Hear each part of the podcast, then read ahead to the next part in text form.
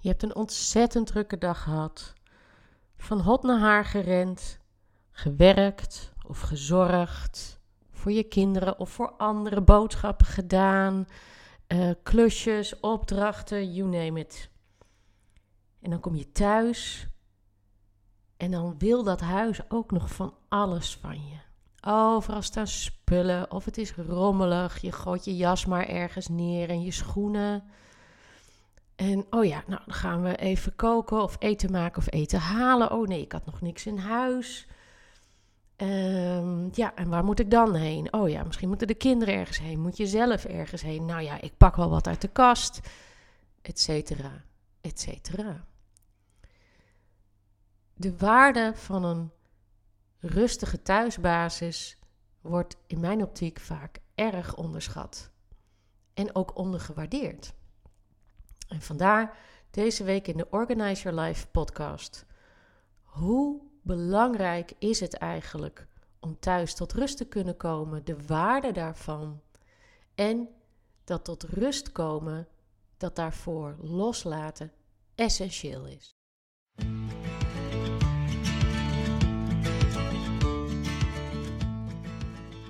Yes, vandaag in de Organize Your Life podcast. We willen allemaal rust, maar we willen allemaal niets loslaten. En wat heeft dat nou met elkaar te maken? Dingen loslaten. Het is echt een heel, heel groot ding voor ons allemaal. En dan heb ik het niet alleen over, over spullen loslaten of spullen wegdoen. Maar dat gaat ook over bijvoorbeeld wisselen van baan. Of, of vriendschappen of relaties beëindigen. Of uh, misschien wel heel simpel een keer een andere auto willen kopen. Of hè, we zijn gehecht. We zijn gehecht aan vastigheid. Niet allemaal, maar vaak wel voor degenen die, uh, die naar deze podcast luisteren. En uh, vinden het moeilijk om los te laten, omdat we bang zijn. We zijn uh, bang voor het niets, voor, voor het niet weten, voor spijt hebben, voor schuldgevoel. Dus uh, nou, dan houden we maar vast. dan houden we maar vast aan de situatie zoals die nu is, op welk vlak dat ook is. En dat is heel menselijk en dat is heel normaal. En uh, dat doen echt heel veel mensen, want we vinden het fijn om ook te kunnen opereren vanuit een soort uh, veiligheid, vanuit onze comfortzone, vanuit de dingen die we weten, hè, in plaats van de dingen die we niet weten. en dat houdt ons vast in waar we zitten. Alleen, en het is een beetje een dooddoener, maar die comfortzone, die is alles behalve comfortabel. Jouw ego of jouw, de, de, degene eh, van binnen die jou een beetje bestuurt, die houdt jou in die comfortzone. Want het is veilig, het is bekend, daar gebeuren weinig enge dingen. Er worden weinig risico's ingenomen, tenzij je kunt overzien wat het gevolg is van dat risico. En, uh, maar er gebeurt dus ook niks. En als je een overvloed aan spullen hebt en je vindt het moeilijk om los te laten, omdat je om allerlei redenen daartegen aanloopt en tegen jezelf aanloopt, dan zul je uit die comfortzone moeten stappen en andere beslissingen nemen dan die je gewend bent, want anders is er natuurlijk nooit een verandering. Nou, waar heeft dat nou mee te maken en waarom is dat nou zo moeilijk? Kijk, het heeft ook te maken met uh, bang zijn voor het maken van verkeerde beslissingen of het krijgen van spijt. Ik heb eens een keer een heel mooi boek gelezen. Dat heet Huis en Ziel van Nina Elshoff, de spirit van het opruimen. En zij zegt het heel erg mooi. Um, hè, uh, zij zegt ook van ja, het, het, beslissing nemen en beslissing maken, dat, dat kan in het begin best wel moeite en pijn en geduld kosten. Om een andere beslissing te nemen dan die je gewend bent. Um, want het, het confronteert je ook met het besef dat je altijd keuzes hebt gehad, maar dat je die nooit hebt gemaakt. Dus dat kan ook een verdriet teweeg brengen over gemiste kansen. Um, dus, dus dat is een visie op de toekomst. Maar het heeft dus ook te maken met, ook met een visie op de toekomst van bang zijn om de verkeerde keuze te maken, om spijt te krijgen. Nou ja, wat zij ook zegt, het is geen gemakkelijke fase, maar het kan je wellicht troosten om te weten dat als je geen beslissingen neemt, de pijn en het ongemak van een situatie voortduren. Wat je uit de weg gaat, dat wordt vaak ook steeds groter, ook in je hoofd, ook in je gevoel. En dan zegt zij verder: de pijn en het ongemak van een situatie waarover geen beslissing genomen wordt, duren echter voort zolang die situatie blijft bestaan. En om te blijven bestaan zal deze zich kosten wat kost aan je aandacht willen blijven onttrekken door wederom rommel en chaos te creëren waarachter en waardoor het zich kan verstoppen, zowel in je huis als in je hoofd. Want rommel en chaos maken lawaai en ontnemen je de rust die je nodig hebt om een situatie helder onder ogen te zien en de ware oorzaak te herkennen. En dat is wat ik in het begin zei. Als ik uh, uh, praat met mijn klanten en met vooral heel veel vrouwen praat ik heel veel over waarom wil je dit nou? Hè? Waarom, waarom is het zo belangrijk om door die spullen heen te gaan? Waarom is het nu belangrijk? Wat levert het je op? Dan krijg ik vaak een beetje verbaasde blikken. Zo van, nou ja, Lotte, dat weet je toch wel. Nou ja, dat geeft me rust en het geeft me overzicht. Oké, snap ik. Dat vind ik ook. Maar waarom is het nou zo belangrijk?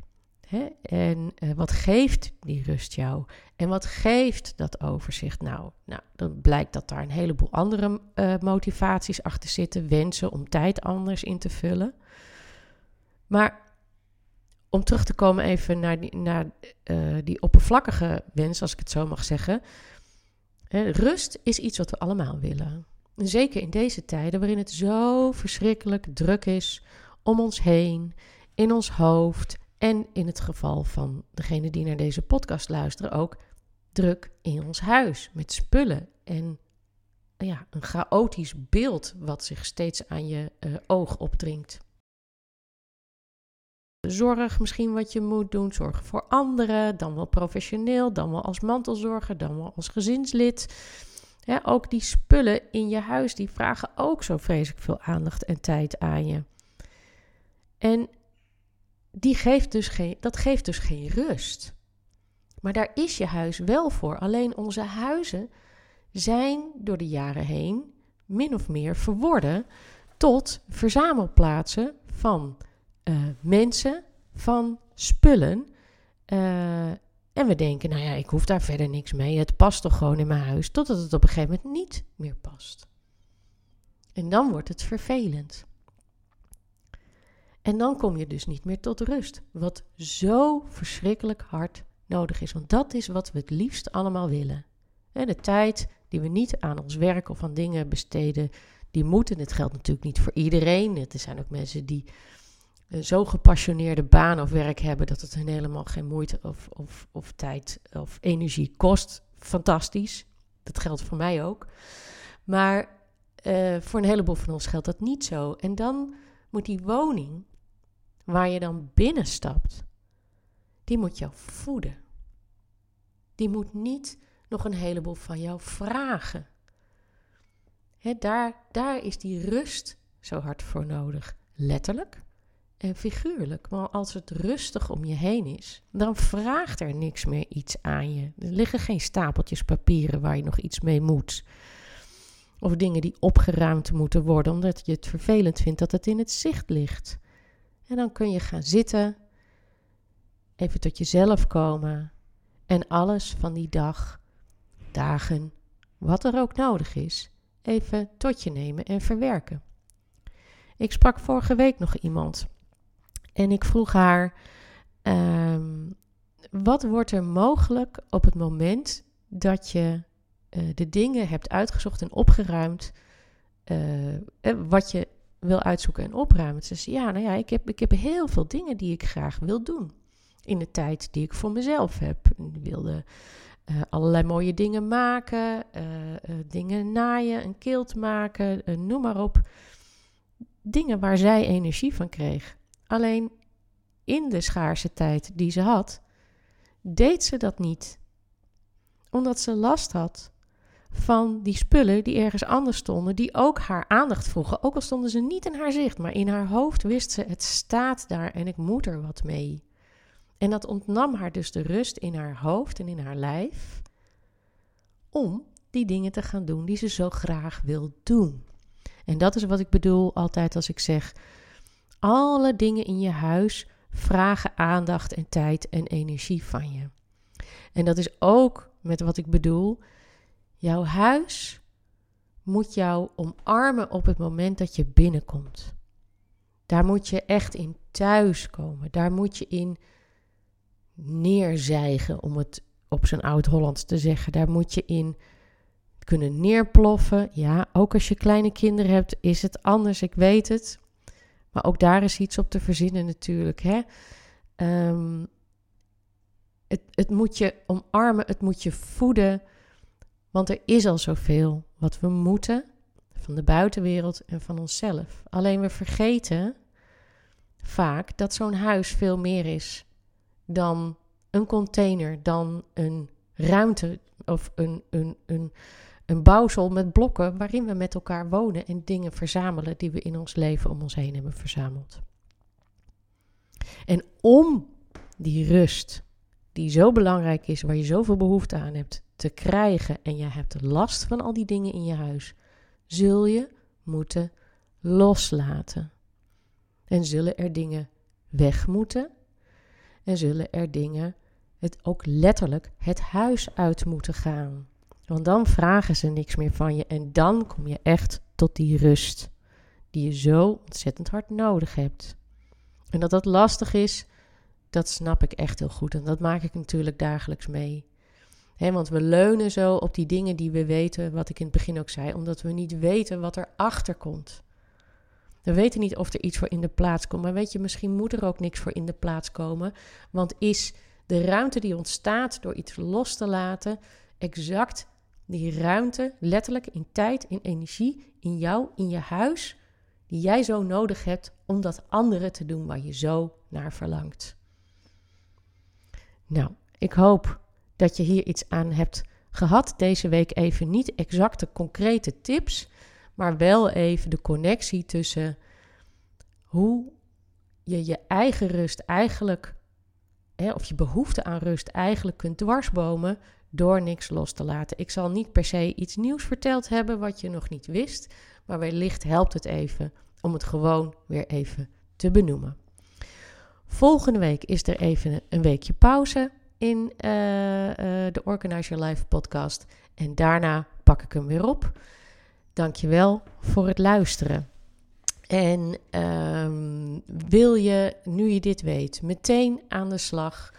Uh, download dan mijn gratis opruim kickstart gids. Hij is kort, hij is bondig, hij is to the point. Je krijgt een aantal hele eenvoudige taken die iedereen kan doen, gewoon om je in beweging te krijgen. Zonder heel erg na te denken over, oh, waarom kan ik het niet loslaten? Gewoon even hè, om jezelf het zelfvertrouwen te geven van ik kan het wel.